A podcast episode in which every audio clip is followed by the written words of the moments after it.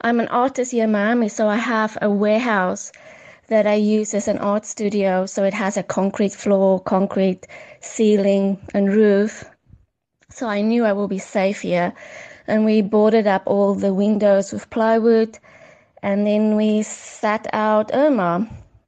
Um, we fared really well.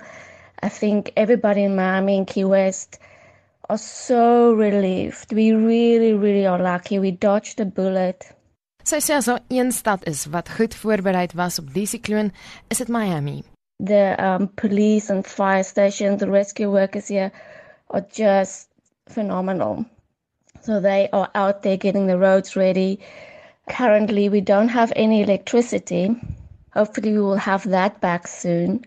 I think something like one and a half million people don't have electricity right now you know, Miami evacuated something like 600,000 people. That's the biggest evacuation in the history of Miami. This is pretty great that they could do that without any incidents.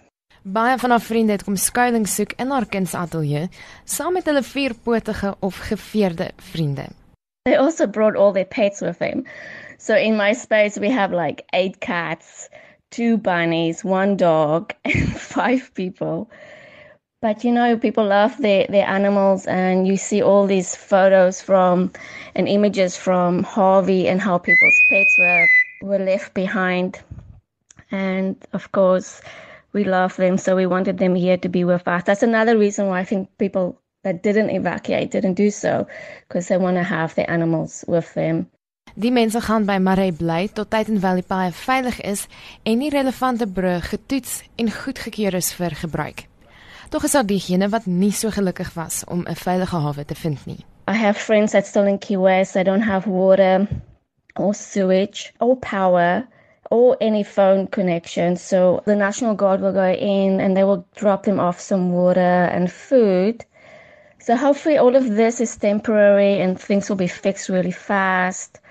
Since the Hurricane Andrew that happened 25 years ago, all of South of Florida are so prepared to have plans in place. They know what to do, what not to do. They're completely prepared. So I really believe we will be back on the grid fairly soon. Dit was 'n Suid-Afrikaner in die Amerikaanse deelstaat Florida, Miami. Haar naam is Anya Mare.